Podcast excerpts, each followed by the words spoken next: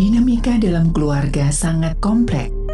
Kematian, adiksi, keuangan, penyakit mental, perceraian, masalah pendidikan, masalah wanita dan peran ayah, gaya hidup, atau masalah yang timbul ketika terjadi transisi. Semuanya adalah masalah yang dapat menghinggapi keluarga. Berbagai masalah ini mungkin tak terselesaikan dengan baik. Hal ini akan berujung pada perselisihan, ketegangan, hingga kebencian antar anggota keluarga. Konflik keluarga dapat merusak masing-masing individu di dalamnya.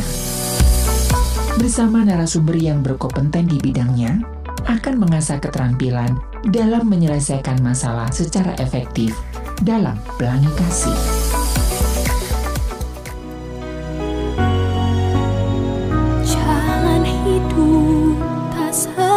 Selalu tanpa kabut yang pekat. Namun kasih Tuhan nyata pada waktu yang tepat. Mungkin langit tak terlihat oleh awan yang tebal di atasnya lah membusur kasih yang kekal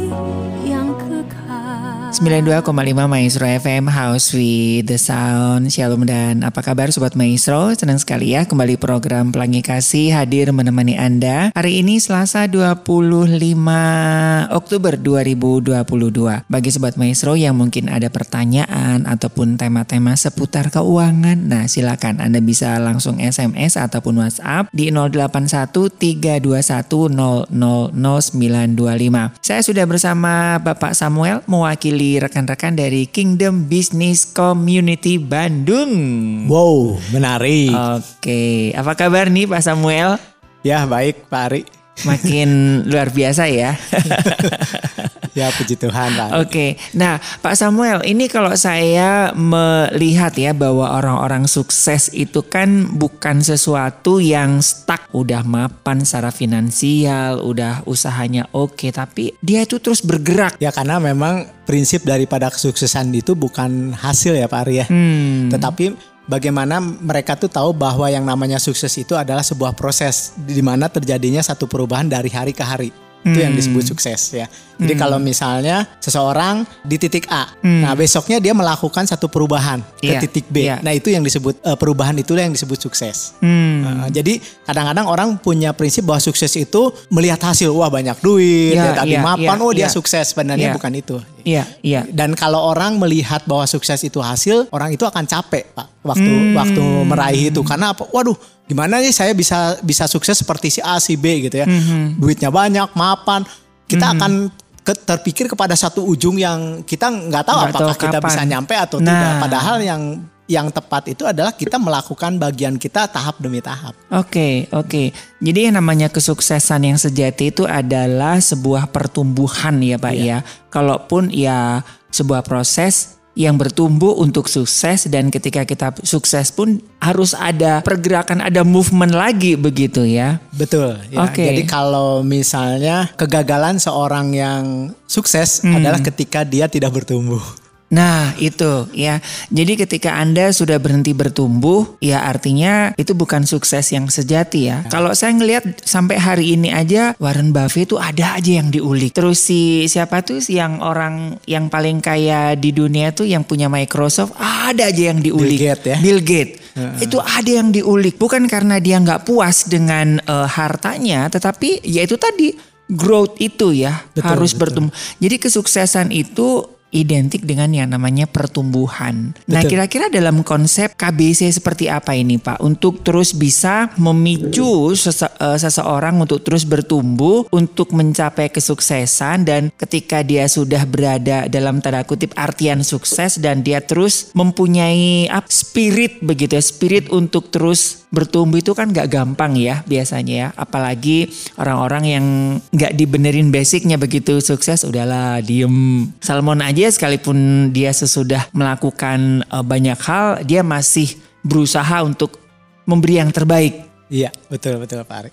Ya kalau kita belajar dari sukses sejati ya, kita kemarin juga sudah banyak belajar membahas Iya. tentang sukses sejati. Tetapi kita akan merangkum atau menyimpulkanlah eh, dari poin-poin yang kita pelajari selama ini.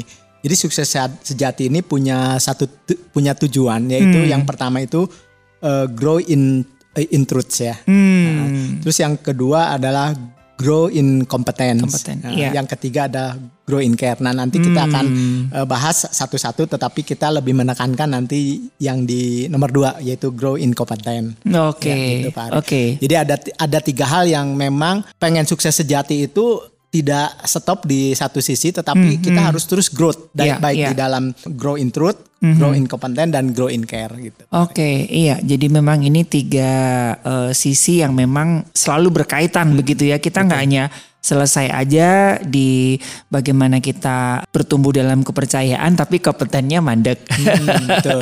bertumbuh di kompeten tapi nggak care begitu ya. Ya yang pertama kalau growth in truth ya, Mhm. itu bagaimana seseorang itu di dalam pengenalan ya baik kebenaran itu terus harus bertumbuh juga. Hmm. Ada perkembangan zaman kalau misalnya dulu kita paham dalam satu kebenaran itu hanya di satu sisi. Oke. Nah, kita harus makin luas, makin luas dengan sesu- disesuaikan dengan uh, kita lebih banyak belajar lagi seperti Hmm, itu supaya apa? Supaya kita di dalam pengenalan akan kebenaran pun berkembang gitu Pak Ari. Oke, nah se- eh, sebentar ini kebenaran ini kebenaran apa nih? Kebenaran tentang Tuhan atau kebenaran tentang ilmu keuangan? Kalau di sini itu bicara tentang kebenaran tentang Tuhan. tentang Tuhan ya, sobat maestro ya. Jadi betul. kenapa harus uh, ke, Iya. intruth ya, intruth ya itu kepada Tuhan karena kan kita belajar keuangan kalau tidak didasari basic daripada firman Tuhan Mhm. bahaya sebenarnya. Oke. Udah jelas lah di Iya, di ayat iya, itu iya. katakan orang yang cinta uang akan bagaimana bagaimana ya. Nah itu it- itu harus kita kembangkan sampai akhirnya kita mengetahui detil akhirnya tahu hakikat ketika kita diberi diberikan kepercayaan oleh Tuhan kekayaan yang begitu besar misalnya Iya. seperti itu. Ya, oke. Nah itu langkah pertama ya. Jadi harus bertumbuh ya. Jadi nggak boleh hanya di kejadian aja. Ya namanya juga baca Alkitab juga habis kejadian ada keluaran.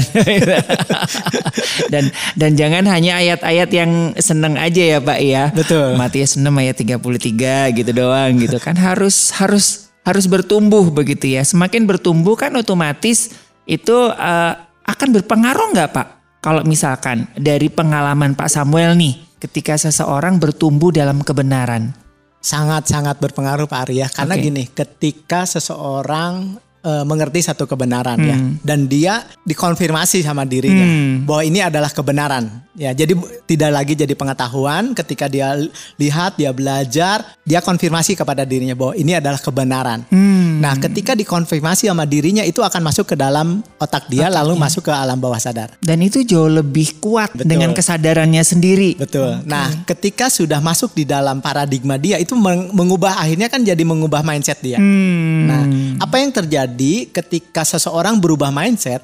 Apa yang dia lakukan, action apa yang dia lakukan pasti akan didorong daripada alam bawah sadar atau paradigma yang baru yang dia percayai, Pak Ari. Ya, Jadi ya. tidak pernah ada orang melakukan sesuatu eh, karena dia tidak percaya. Hmm. Selalu melakukan sesuatu apa yang dia percaya. Memang yang dia percaya itu bisa kebenaran, bisa juga bukan. Ya, iya, Ya kan? iya. Tetapi pada dasarnya orang digerakkan oleh karena apa yang dia percaya. Hmm. Begitu. Oke. Apalagi kalau kita memahami kebenaran yang benar-benar kebenaran daripada Tuhan dan itu efeknya luar biasa, Pak Ari. Ya, ya. Ya, misalnya contoh kalau dalam masalah keuangan. Kalau orang hanya ditakut-takuti misalnya akar dari kejahatan cinta uang Mhm, ya.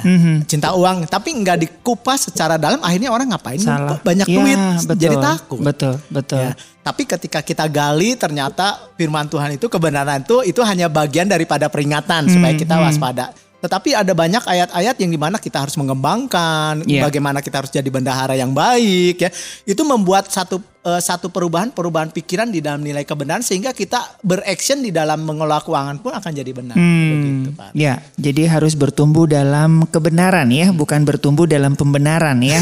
Kadang-kadang banyak orang cari pembenaran. Truth sama excuse beda ya sobat maestro ya. Nah, jadi ini dasar pertama ya untuk kita masuk dalam eh, sukses yang sejati, harus bertumbuh dalam kebenaran. Betul, betul, Dan Pak itu bisa menjadi satu apa ya?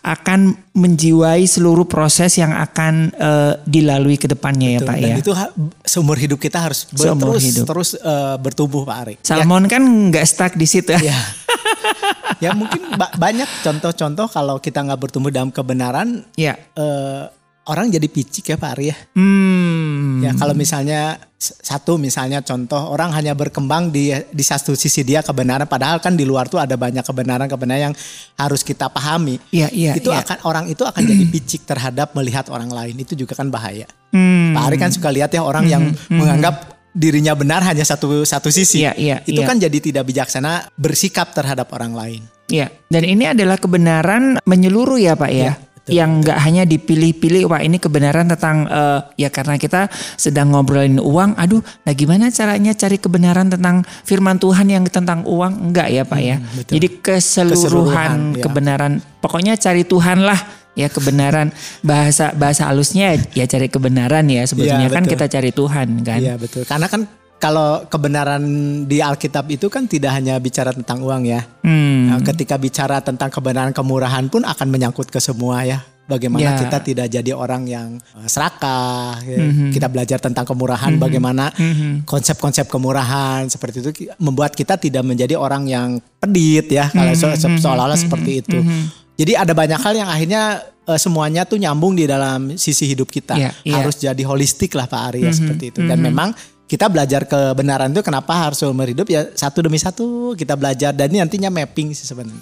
Misalnya jadi satu bos bagaimana bos ini berpikir kalau dia mengerti tentang kebenaran itu tidak bicara tentang bahwa pegawai itu menjadi mesin uang dia. Oh. Tetapi dia harus membuat si karyawan itu bagaimana dimanusiakan, Hmm, hmm. bagaimana disejahterakan. Mhm. Jadi ada satu unsur boleh katakan si karyawan itu bagaimana diimprove Iya, iya, iya. diimprove baik dari segi keluarganya atau apanya dikasih training supaya mereka itu bekerja itu tidak hanya bekerja tetapi ada satu misi bagi dia dibuat Hmm. keluarganya atau apanya sehingga ketika mereka di eh, karyawan itu menjadi sesuatu yang eh, selain kompetensinya bagus tetapi dalam segi hubungan keluarganya bagus atau apa pun juga kita eh, lakukan secara baik itu juga akan membuat menghasilkan produktivitas ke perusahaan itu menjadi sesuatu yang bagus, Bagus seperti ya. Oke. ya jadi ada keterkaitan Hmm, yang hmm, sangat-sangat hmm. terkait gitu Iya. Eh, saya kan karyawan juga ya Hmm. harus harus memahami bagaimana perusahaan itu juga nggak gampang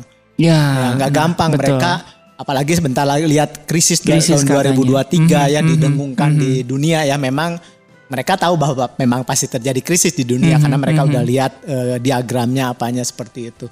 Nah karyawan pun harus punya pemikiran yang berempati terhadap pengusaha gitu ya Pak. Hmm. Jangan wah pokoknya saya kerja mau rugi mau Betul, nggak, pokoknya saya betul, gajian betul, yang nggak bisa betul, juga. Kita betul. harus punya pemikiran bah bagaimana kita punya produktivitas yang tinggi supaya perusahaan nggak rugi. Hmm. Kalau saya kerja di di, eh, di sana bagaimana perusahaan itu untung kan gitu. Hmm, hmm. Itu kan tujuannya kan kita bisa berpikir kalau misalnya perusahaan itu untung dengan kita melakukan sesuatu yang terbaik, maka kita pun akan sejahtera di situ gitu. Oke, kebenarannya fokusnya pada diri sendiri ya. Iya. Nanti akan dikupas lebih dalam ya. Kebenarannya ini mengarah ke siapa sebetulnya ya. Oke, kita sudahi dulu ya Pak ya karena ini nanti akan memunculkan banyak eh, apa namanya pro dan kontra begitu ya. Oke, eh, selanjutnya Pak. Ya ini yang yang kedua itu ya adalah grow intensi Kompeten, ya. iya. Ya, kompetensi ya.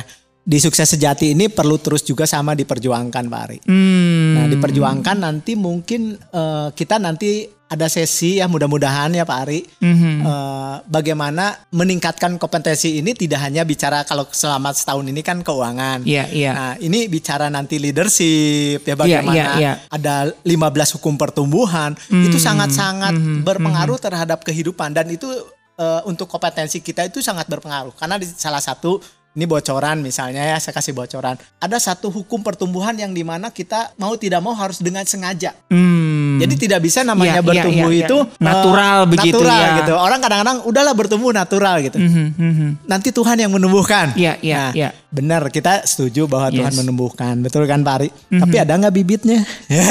Pertanyaannya gitu kan. Betul, betul. Bibitnya ada nggak? Mhm. Bagi Tuhan sesuatu yang gampang untuk menumbuhkan dan itu dia adalah kuasanya dia. Hmm. Betul kan? Tetapi yang jadi pertanyaan itu yang sering kali yang terjadi bibitnya ada enggak?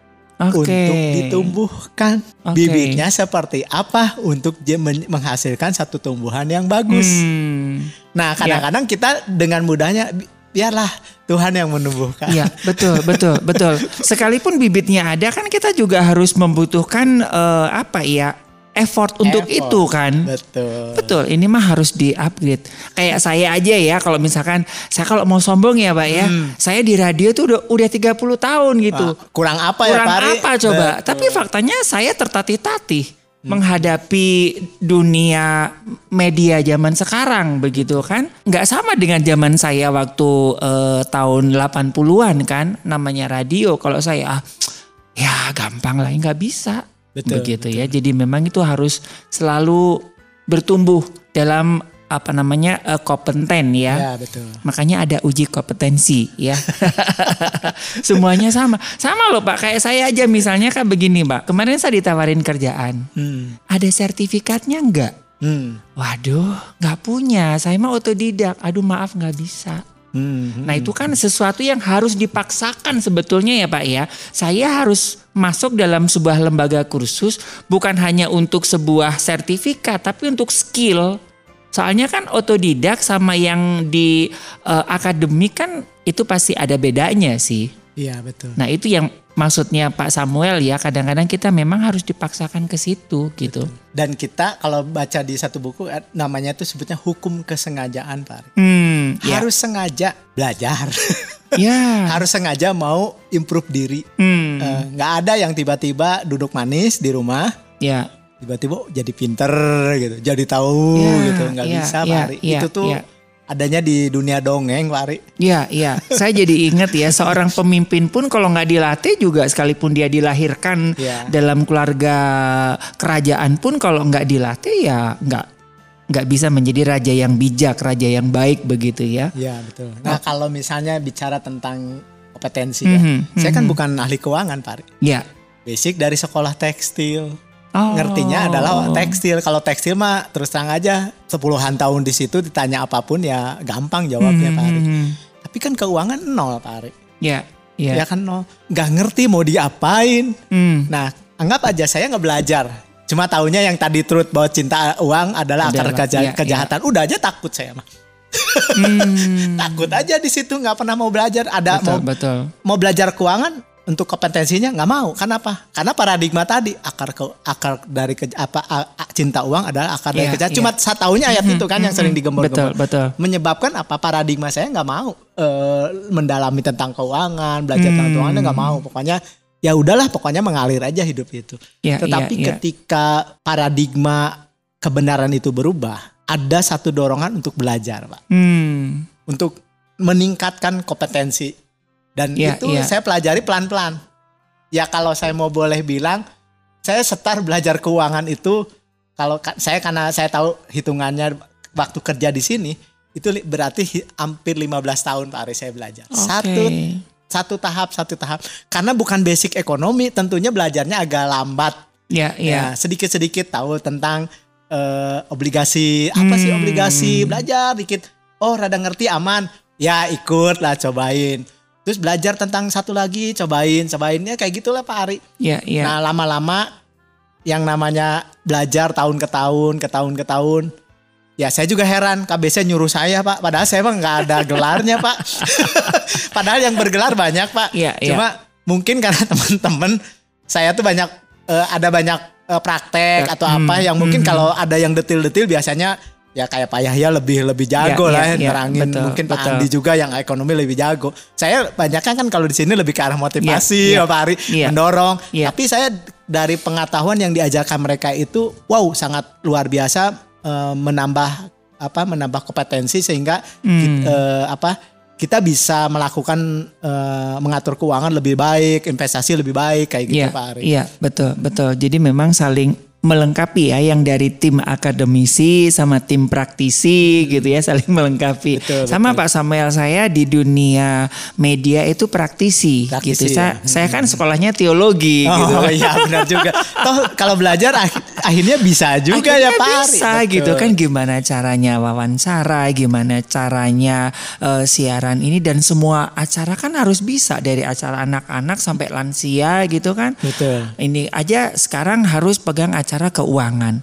Habis gitu acara eh, kesehatan, habis gitu acara hukum, Hmm. habis gitu yang acara curhat gitu kan. ya kalau nggak mau belajar kan ya susah gitu kan. Tapi senang juga ya Pak Ari, ilmunya jadi banyak tuh.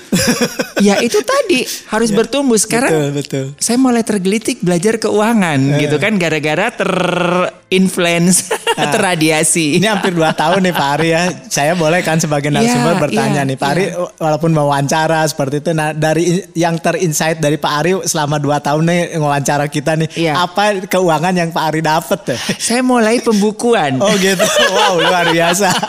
Catet ya Pak mulai catet gitu kan, catet gitu. Oke, eh, biasanya kan cul gitu aja Heeh. kan, nggak bisa. Yang penting udah ini uang kos, ini uang makan, ini uang obat, udah jangan diganggu. Nabung, udah jangan diganggu, Wow. udah gitu Pak. Jadi yang lainnya ini kan udah udah berapa tahun saya nggak nonton. Nonton nunggu ada yang ngajak nonton gratis saya baru nonton. Pak. Makan pun kalau baru diajak gitu kan, nggak ah nggak ada. Saya budget paling 200 ribu itu maksimal Pak. Hmm, hmm. untuk uang uang jajan gitu Iya, kan iya, uang jajan uang apa gitu udah gitu. Dan itu itu ya emang dampaknya lumayan Iya, lumayan gitu. Sekalipun ya namanya juga masih proses begitu Tapi ada yang yang didapat ya, Ya, ternyata ya luar biasa. iya, ya itu yang iya. yang kita harapkan ya Pak Ari walaupun ini agak sedikit loncat. Ada namanya di KBC itu ada Grow in Care. Nah, Oh. kayak siaran gini itu adalah salah satu aplikasi dari Grow in Care bagaimana kita care terhadap orang-orang yang belum paham tentang Ya, keuangan ya, ya, ya. sehingga eh, orang yang belum tahu jadi mulai tahu lah. Jadi mulai sedikit-sedikit praktek kayak Pak Ari kan senang Ya, ya. ya, ya. Kita yang yang Iya. diwawancara juga Iya, jadi senang. Oh saya ya. juga lumayan oh iya dan harus dipaksakan harus dipaksakan gitu ya ya ya tim KBC mungkin pada hari ini kalau dengar Pak Ari seneng loh Pak Ari pasti Oh, gitu ya. iya pasti seneng wow Ya. jadi berkat bener Iya, kan growing iya. care itu salah satunya adalah Oh. jadi berkat Pak Ari Iya, ya namanya juga masih belajar gitu ya. Ya ada bolong-bolongnya lah ya. Gak apa-apa gitu Pak. Ari yang namanya belajar Ya, proses ya Betul, betul. ya mungkin juga karena memang karena saya hidup sendiri Pak Samuel gitu kan kadang menggampangkan. Nah ini ini bahayanya menggampang. Ah gampang lah. Nanti kan ada eh ternyata nggak dapat gitu kan. Nah ini ini yang gamblingnya itu loh kadang-kadang yang musuh terbesar kita.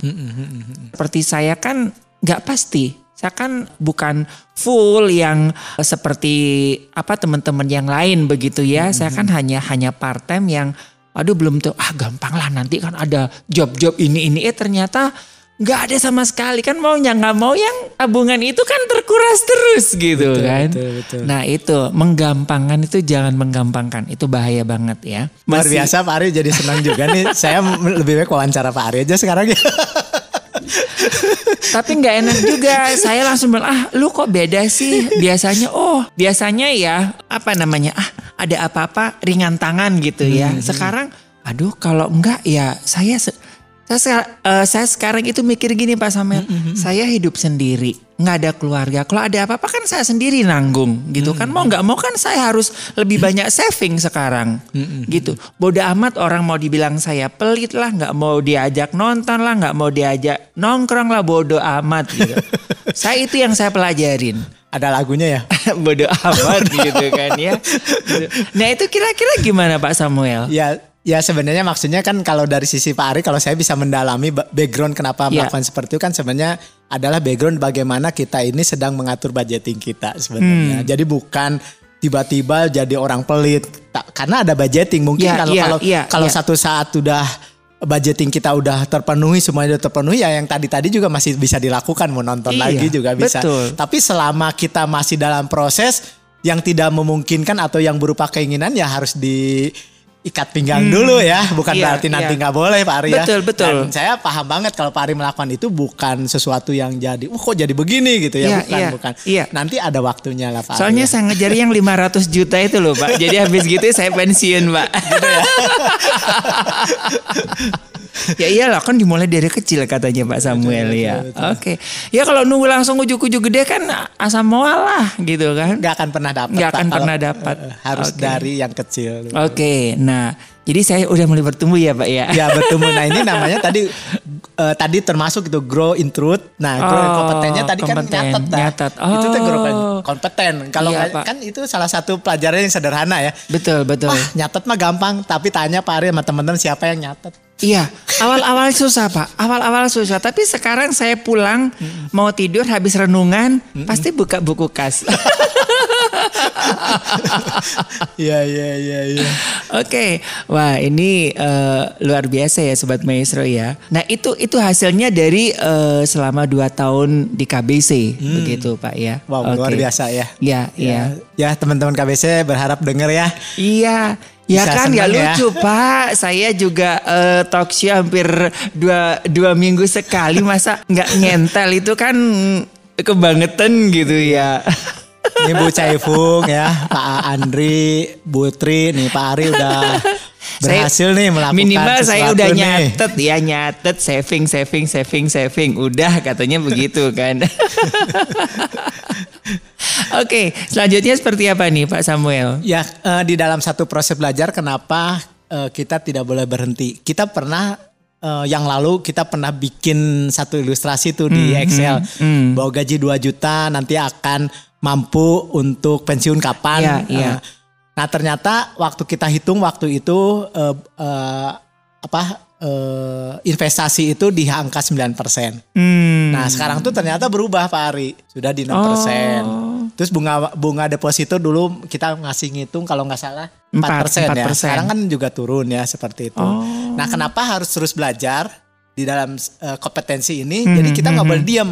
Oh udah diem tuh udah aja diem. Iya, iya. Harus tetap belajar tentang perkembangan. Oh ter- sekarang terjadinya begini. Nah itu tuh nanti kita harus mengupayakan bagaimana eh, strategi baru Pak Ari seperti Hmm. itu. Mhm, Ya, untuk mencapai satu tujuan keuangan kita kan Pak Ari, Betul, seperti betul, itu. betul, betul. Iya, yang namanya kompetensi itu memang harus terus ya Sobat Maestro ya. Jadi kalau enggak ya akan jadi fosil ya. Kita akan terlindas. Ya itu kalau tadi bicara tentang keuangan ya grow kompetensi kan banyak Mhm. juga misalnya kita nge- mengembangkan eh, EQ kita. Oh, EQ kita kalau misalnya teman-teman saya yang belajar saham tuh kalau kita diskusi mungkin juga pernah diungkapkan mhm. eh, know-how itu ilmu itu keberhasilannya baru du- 20%. 20%, iya, iya. Tapi eh, emosi yaitu bicara EQ itu hampir Iya. 80% dan itu itu terus eh, perlu belajar Pak Ari untuk mengelola emosi kita ya terutama alam bawah sadar. Mhm, itu tuh harus mhm. harus selalu kita sadarkan gitu ya Pak Ari karena Mhm. alam bawah sadar tuh gini Pak Ari muncul pada saat kena tekanan. betul, betul. Kalau Iya. dalam keadaan baik-baik ya Pak Ari sama saya Iya, baik-baik iya, nggak akan iya, pernah iya. musuhan Pak Ari. Mhm, di di satu komunitas juga nggak Iya, pernah. iya. Tapi ketika ada satu tekanan yang begitu menekan, barulah alam bawah sadar itu kadang-kadang muncul secara spontan. mhm, Nah itu yang mhm. yang harus kita kelola secara baik ya kalau dalam buah roh itu penguasaan diri lah ya Iya, Pak Ari. iya. Nah itu yang memang dikonfirmasi tuh sama kita. Kok saya tuh nggak begitu harusnya, Hmm. harus nggak begitu harusnya seperti Hmm. itu. Nah itu itu sesuatu yang bagus. Misalnya salah satu contohnya gini, kita masukin lagi ke keuangan ya Pak Ari Iya, ya. iya. Alam bawah sadar saya adalah se- seorang saver. Hmm. Senangnya ngumpulin duit Pak Ari Iya, gitu ya. iya, iya. Tapi tidak senang menikmati. Kan juga Oh, nggak bagus. sayang ya. Iya, ya kan ngumpulin ngumpulin Bersyukurlah buat istrinya Pak Samuel dan anak-anaknya. anak-anaknya. Ngumpulin ngumpulin nanti tua nggak dinikmati yang nikmati orang lain. Itu juga nggak pas Pak Ari. Waduh, ini juga ada teman saya Pak, gitu. Dia senangnya ngumpulin Iya. duit gitu. Kenapa itu terjadi? Ada dalam bawah sadar itu saver Pak. Kenapa Oh. terjadi eh, di alam bawah sadar saya itu sebagai seorang saver karena saya dilahirkan dalam keluarga yang miskin. Oh. Jadi itu membentuk satu eh, situasi masuk ke bawah sadar ada muncul sebuah kayak ketakutan, Ketakutan, iya. kekurangan uang. Hmm. Jadi kalau ada uang tuh disusi, diseper we terus Pak dikumpulin Iya, terus. iya. Gitu. Sa- Iya. Nah, waktu waktu belum belajar keuangan disepernya di tabungan. Itu salah lagi Pak. Hmm. Tapi belajar investasi karena dulu memang seper ya. Nah, jadi ada modal nih tabungan begitu belajar investasi tahu nih menginvestasikan ke yang tepatnya bagaimana Pak Ari. Nah, ini kayaknya teman-teman saya juga harus harus harus eh, masuk tim KBC ya. Karena dia dia ngumpulin, dia tuh tiap mau ini lihat dia tuh nggak masuk ke investasi takut. Hmm. dia ketakutan gitu ya. Mau diinvestasikan udah investasi aja dia nggak mau ah. Terus di sini nggak jadi uangnya tuh ditabung aja gitu pak. Padahal nanti kalau ditabung itu rugi pak, nah itu masalahnya karena ada inflasi. Nah. Setiap orang akan menghadapi inflasi, apalagi tahun ini kan inflasi mulai naik lagi. Hmm. naik ya. iya iya iya iya Jadi kalau teman-teman apa hanya di tabungan, Mhm, tabungan itu boleh untuk dana darurat kalau yang kecil di tabungan aja cukup. Tapi kalau eh, dana. Jumlahnya darurat itu cukup besar. menurut saya sih boleh eh, diinvestasikan di tempat yang aman lah ya. nah Ya kayak gitu misalnya ya ini nggak usah cerita banyak pak, tapi Mhm. maksudnya bisa di tempat-tempat yang lebih safety ya. Karena kan karena banyak kan. Betul, Kalau banyak betul, di tabungan, misalnya dia punya eh, dana daruratnya 300 juta gitu ya. Karena dia di- lebih pak eh, misalnya lebih ya. dana darurat ya dana pak 300 juta. yang 300 juta kan taruh di tabungan sayang pak. Kita Ya. kan kalau yang bisa diambil cepat berapa lah misalnya bisa taruh Hmm, 25 juta atau 3, 50 lah atau yang sisanya boleh ditaruh di tempat yang Tempat lain, yang iya. tempat lain yang aman, lah Aman. boleh gitu. Hmm, Ya sisanya jangan tabungan lagi masukin ke investasi belajar ke teman-teman yang mumpuni, yang baik, yang Hmm, punya paradigma yang bagus supaya jangan dijeblosin ke investasi bodong, Bodong, gitu. betul Pak. betul. Ini teman saya pengen mas cepat kaya Iya, karena iya. investasi bodong Betul nantinya. betul. Ini teman saya lagi masuk rumah sakit pak karena itu tadi kena investasi yang Hmm, stres ya. stres pak Iya, gitu. iya. Kasihan sih kasihan kasihan. kasihan. Oke, nah Udah jadi ngumpul-ngumpul pikir dia bakal untung, bakal cepat kaya, Iya. taunya hilang. Iya, iya, iya, betul, Apalagi betul. semuanya dijeburin situ. Iya, sekarang orang-orang kayak untuk kejahatan di keuangan kan dia juga upgrade. Masa sih kita nggak upgrade? Ya, kompeten untuk menipu orang aja mereka Upgrade. upgrade loh ya, sobat maestro robot ya. yang sebut robot Iya, trading itu kan nggak apa-apa. macem kan. Robot trading tuh memang Iya. ada, tapi kan ada Emang yang kan bodongnya. Ada oknum-oknum tertentu kan dia mengupgrade gimana caranya untuk mengambil uang orang begitu dengan cara yang halus gitu. ya jadi kalau untuk kejahatan aja upgrade kenapa enggak kita yang untuk kebaikan begitu ya. Iya. Oke. Nah, ini tadi kan saya belum lanjutin nih Pak. Ini kan seorang saver. Iya. Nah, gimana kan si savernya harus berubah. Oke. Iya, kan harus belajar Pak. Iya, iya. Ketika belajar ya mulai berubah Pak. Hmm. Savernya mah tetap ada, dan itu juga nggak sesuatu yang jelek. Tetapi tidak hanya saver. Hmm. Juga boleh menikmati Pak Ari. Oke. Eh, menikmati yang di budgeting. Karena Hmm. Tuhan juga berfirman bahwa biarlah nanti di hari tua atau apa saya ayatnya lupa Hmm, eh ayatnya di, di pengkhotbah nanti itu kamu harus bisa menikmati apa yang sudah kamu Yang- usahakan iya, gitu. iya. Kalau di seper terus kan nggak dinikmati ya Pak Ari. Hmm, hmm, hmm. betul, betul, betul. Dan itu kasihan sih Pak ya kalau ngelihat. Saya bersyukur ya gitu. Jadi saya penikmat Pak. yang saya pernah cerita gitu. Iya, Teman saya yang kerja, saya yang saya yang nikmati rumahnya sama pembantunya gitu kan. Dianya setengah mati kerjanya gitu. Tapi menikmati yang hasil usaha sendiri lebih benar Pak. betul betul betul iya kan kita ngelihatnya kan kasihan gitu kan dia tuh stres sebetulnya ya udah lu ambil cuti lu keluar negeri kayak kan duitnya itu kan udah ratusan juta ya. Dia kasarnya nggak kerja satu bulan pun uangnya Masih masih, oke, jalan, masih jalan, gitu loh. Ya, jadi ya, ya. ya mungkin karena ada eh, apa sih namanya satu paradigma yang ya saya hanya kasihan aja gitu. Iya, mudah-mudahan denger ya hari ini begitu. Dia suka denger maestro soalnya. Nah yang bertolak belakang dengan sifat saver itu adalah spender Pak. Hmm. Jadi Yang- kebahagiaan dia itu di mengeluarkan uang. Oh. belanja pak ya terus kadang-kadang kalau orang yang tipe spender itu ketika dia misalnya anggap dalam keadaan yang agak susah seperti itu tuh satu saat dia dapat uang Hmm. ya lebih banyak dia itu bisa menghabiskan uang itu kayak balas dendam pak Oh. mumpung saya punya uang saya beli gitu mumpung saya Hmm, dapat uang kapan lagi nah itu juga sebuah paradigma growth in truth tuh harus dirubah Ya, ya, itu nggak ya. salah 100%, tetapi dia harus mulai berpikir bagaimana dengan masa depan. Yang di mana masa depan itu tidak hanya cukup dengan Tuhan pasti menyediakan, Ya. tetapi ada tanggung jawab kita untuk mengatur supaya apa yang tu- bilang Tuhan menyediakan itu di prepare sama kita. dikelola. Pak, Ya, gitu. ya, betul, betul. Itu kompetensi betul, juga. betul, sebenarnya. betul. Iya, oke.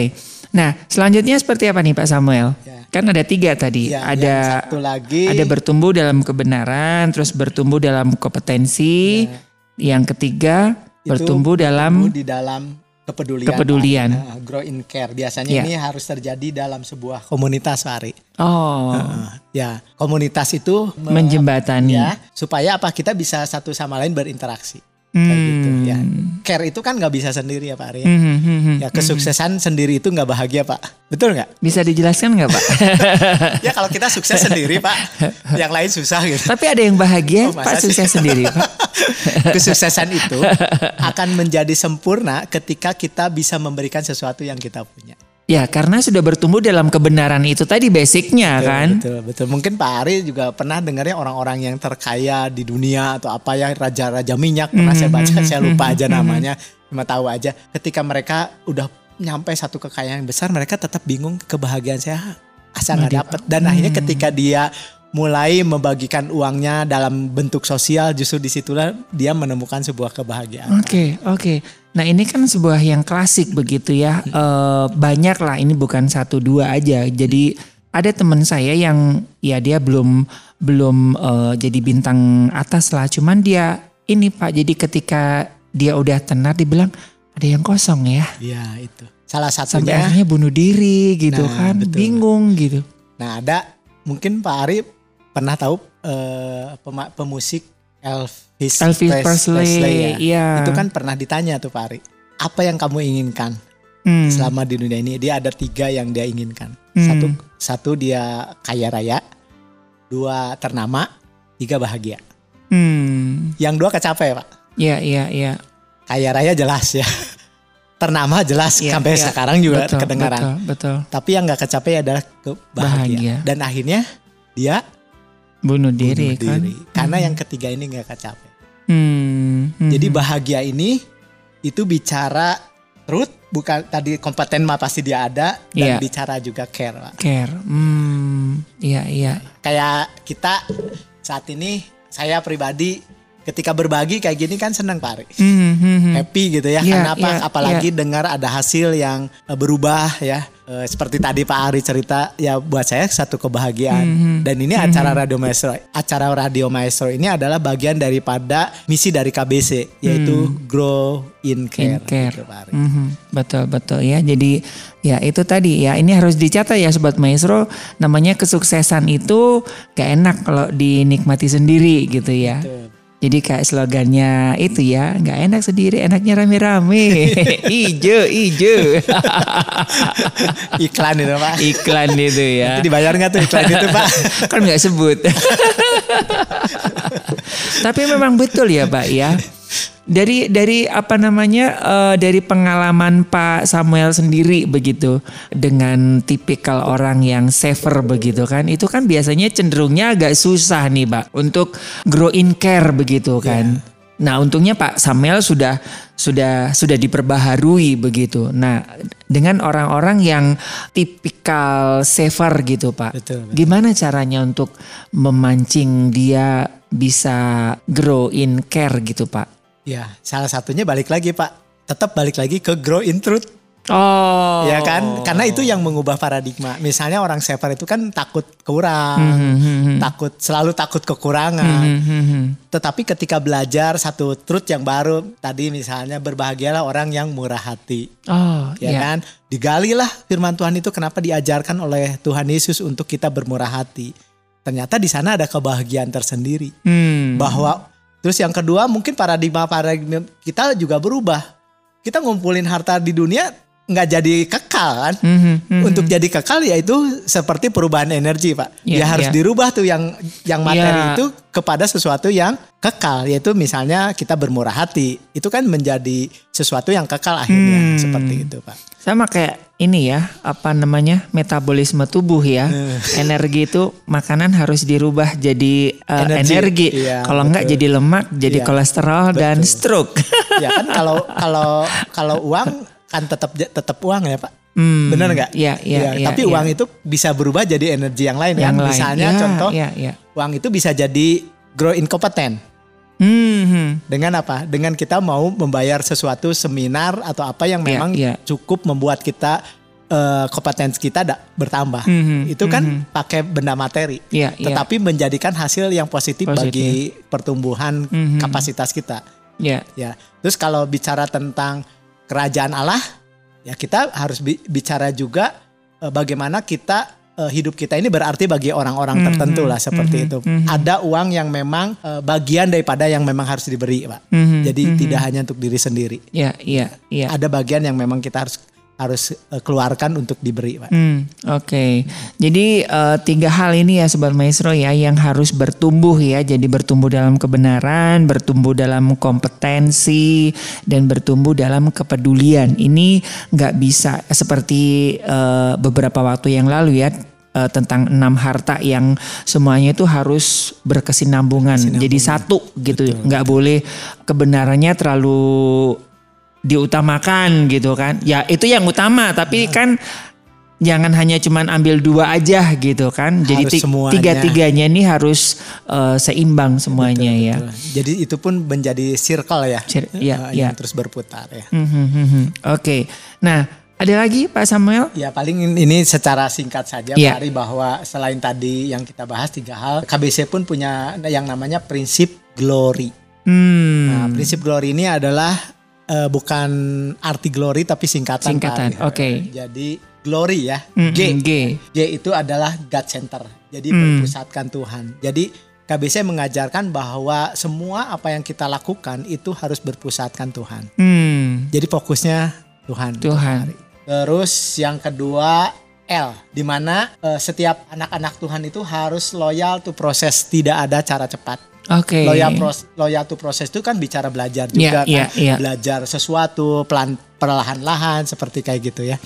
Jadi perlu loyal to proses. Jadi setiap pada proses yang ada ya yang Mhm, yang mhm, benar gitu mhm, Pak Ari. Kan mhm. ada kadang-kadang di dalam masa-masa sulit dari keuangan seperti itu kadang-kadang orang nggak mau loyal proses, pengen jalan cepat Ya, akhirnya iya, iya. kejebur lah. Iya. Ya salah satunya eh, pengen cepat kaya, Iya. akhirnya cari investasi Ya, bodong. Ya itu kan nggak loyal to proses iya. kan, pengen Mhm, cepet gitu. mhm, Tapi kalau yang loyal proses harus belajar. Mhm. Lambat memang, Iya, kayak iya. kuya gitu. Betul, betul, betul. kayak kuya kalau orang Betul, bilang betul, tapi betul. jangan salah. Sampai sampai, tujuan, begitu ya. Kelinci aja salah pak kalau di cerita itu balap iya. sama kura-kura.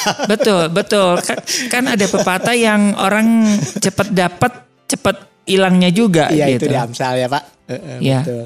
Sekarang O Oh, itu adalah obedient to truth. Jadi Hmm. taat pada apa yang sudah kita percaya itu kebenaran itu harus taat mhm, ya. mhm. Terus yang R real spirit of excellence. Jadi Oh. eh, apa? Selalu Memberi yang berkemauan terbaik ya. memberikan yang terbaik. terbaik. Yang Mhm, terakhir mhm. Y yielding right itu menyerahkan hak. Jadi ketika seluruhnya kita tahu apa yang kita lakukan, tetap kita harus memastikan bahwa ini semuanya anugerah Tuhan. Hmm. Intinya balik lagi ke situ, kita jadi tidak walaupun sukses tidak menjadi orang yang jumawa, sombong Mhm, mhm, karena saya mhm. pinter. Iya, iya. Ya, memang kita berusaha dan akhirnya kita pinter, tapi kita harus menyadari di dicetrek sedikit sama Tuhan otaknya langsung miring pak Iya, iya, istilahnya betul, begitu. betul, betul. Jadi kita tetap harus tahu bahwa itu pun karena anugerah Tuhan kalau kita bisa belajar, bisa ngerti, bisa pinter itu karena Tuhan. Hmm. Yang ngasih otak kan Tuhan. Yang Betul. nyiptain otak kan Tuhan. Betul. Ya, kita mah hanya bagian kita mengelola sehingga kita pinter gitu Pak. Mhm, iya, Bukan iya. pinter lah mengetahui lebih dulu lah ya. Iya, iya, iya, betul. Itu sebabnya ya, eh, kalau di Alkitab itu kan eh, Tuhan dan Mamon itu kan dipisahkan begitu dan itu ternyata dua kuasa yang sama-sama bisa mengubahkan ya, Pak ya. Betul, Uang bisa mengubahkan ya. Betul. Saya punya eh, ada beberapa orang yang udah dikasih uang dia berubah. Berubah ya. Ada yang berubah lebih baik, ada yang berubah lebih itu tadi. ya jadi mau apa lo gitu kan jadi jadi ya karena tiga prinsip awal dia nggak jalanin gitu. Bertumbuh dalam kebenaran bertumbuh dalam kompetensi. Dia kompetensinya oke tapi kebenaran sama care-nya nggak jalan. Dia hanya di kompeten aja. Dia kompeten cari uang pak. Terus dia oh pinter segala macem gitu kan. Nah Ya, cuman kalau yang kalau misalnya eh, dia growth in kompeten dicari uang, saya yakin dia bisa kaya, ya ya. Bisa sukses betul. Tapi apakah tujuan hidup kita cuma di situ? Ya, itu itu itu itu masalahnya. Dan gitu. akhirnya nanti seperti tadi El- El- Elvis Presley, Presley. kaya, ternama, tidak bahagia. Tidak bahagia. betul, betul, betul. Jadi makanya berhati-hati ya dengan uang ya karena memang bisa mengubahkan. Emang bisa mengubahkan kan? Bisa, Pak. Banyak mengubahkan yang baik jadi buruk, yang buruk jadi baik ya semua gara-gara uang begitu ya. Itu pun eh, ya itu tadi kalau tidak didasari dengan eh, tiga eh, apa namanya tiga eh, pertumbuhan tadi ya dan sama enam eh enam apa lima Enam harta. Enam enam prinsip yang enam glory prinsip yang tadi ya. glory, lima ya, ya, ya. lima. Glory. lima glory tadi ya sobat maestro. Oke. Wah ini ternyata kita ngobrol tentang keuangan tapi umum luas ya. Luas. Gak hanya ngomongin duit duit duit ya tetapi justru basicnya ini ya. Karena memang ini eh, sebuah jembatan ya sobat maestro ya. Karena nanti di pelajaran-pelajaran ke depan itu akan kita akan diberikan eh, soft skillnya ya kalau saya Hmm. bilang ya soft skillnya ya untuk kita bisa meraih yang namanya sukses sejati begitu. Hmm. Nah kira-kira eh, ada lagi atau ada yang bisa kita simpulkan dari bahasan kita hari ini Pak Paling Samuel? ada se- sedikit lah Pak Ari ya. Saya nggak mungkin bahas panjang ya tadi dari dari kata glory itu. Mhm. Jadi kata glory itu kan pertama adalah God center kan ya Mhm, artinya. Tapi mhm. gini, kalau seseorang atau satu perusahaan itu tujuannya ya tujuannya atau apa yang ditujunya itu bukan God center, misalnya uang, Mhm. Maka dia akan istilahnya itu disebutnya go center asal jalan, Pak. Oh, asal go jalan center aja. ya, Nah, bukan go center ya. Go center bukan iya, God iya, center. iya, iya. kayak gitu. Terus juga mungkin value-nya adalah yang lain adalah asal bagus, Pak. Hmm. Ya asal Hmm, bagus, hmm, memang hmm, jadi hmm, bagus hmm. gitu ya. Iya, iya, Tetapi iya. kalau bicara tentang berpusatkan pada Allah, ada tujuan yang lebih mulia, Pak. Oke, situ. iya, Ini salah iya, satu betul, aja ya betul. perbedaan tentang God Center, ada Go Center, ada Good Center. Hmm, tapi kita mhm, God mhm, Center, Pak Ari. mhm. Ya. Yang Iya. lainnya sih banyak Pak Ari kayak Iya. loyal to proses. Itu ada yang kalau loyal to proses itu kan setia pada proses yang benar kan. Hmm. Nah, kalau yang financial driven itu low focus to process. Oh. Jadi hanya fokus pada proses-proses yang rendah. Yang rendah. Iya kayak Mhm. gitu. Gitulah Pak Ari. Ada banyak hal ya nanti tapi nggak mungkin Iya. dibahas di sini Iya, ya, ya Pak wah, Ari. Ini sebagai eh, di apa spoiler dikit ya sobat maestro ya karena berbicara masalah keuangan kalau dasarnya nggak dibenerin makanya eh, kacau balau begitu ya. Oke, terima kasih Pak Samuel buat hari ini sudah banyak memberikan eh, daging ya buat buat saya pribadi. Buat hari ini sudah memberkati kita dengan prinsip-prinsip pertumbuhan menuju sukses sejati. Iya, sama-sama Pak Ari. Mudah-mudahan sahabat-sahabat maestro juga bisa terinspirasi ya Iya. tentang hal-hal ini. Mungkin kita juga tidak semua sempurna apa yang diajarkan. Ada sisi-sisi yang mungkin kurang lengkap. Tapi ya kita bisa bagikan apa yang kita punya dulu lah ya. Ya, Ya, gitu iya. Pak Ari. Oke, ya. Baik Sobat Maestro, dari Gra Maestro Jalan Kaca Piring 12 Bandung, saya Ari dan juga Pak Samuel mewakili rekan-rekan dari Kingdom Business Community Bandung atau KBC Bandung mengundurkan diri dari program Pelangi Kasih. Semoga program ini bisa menginspirasi Anda untuk menjadi benar, menjadi besar, dan menjadi berkat. Kita ketemu lagi di program Pelangi Kasih selanjutnya. Tetap jaga protokoler kesehatan dan Tuhan memberkati. dreams dressed in white, vows made by candlelight, hoping to find out what true love is all about. A quiet fear. Where do we go from here?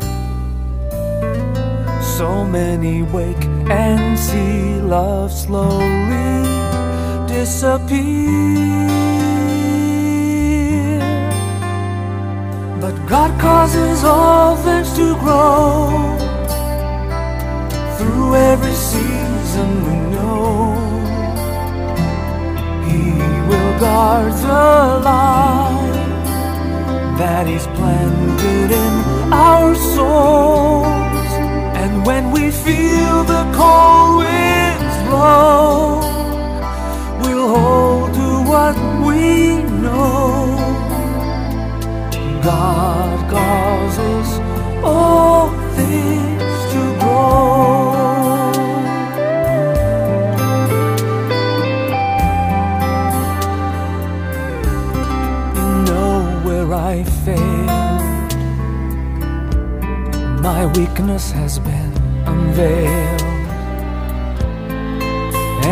By grace you choose to love and to forgive. So come what may, So come what may, our home is here to stay. our home is here to stay. A witness to the lasting promise he has God causes all things to grow through every season we know. He will guard the light that He's planted in our souls. And when we feel the cold winds blow, we'll hold to what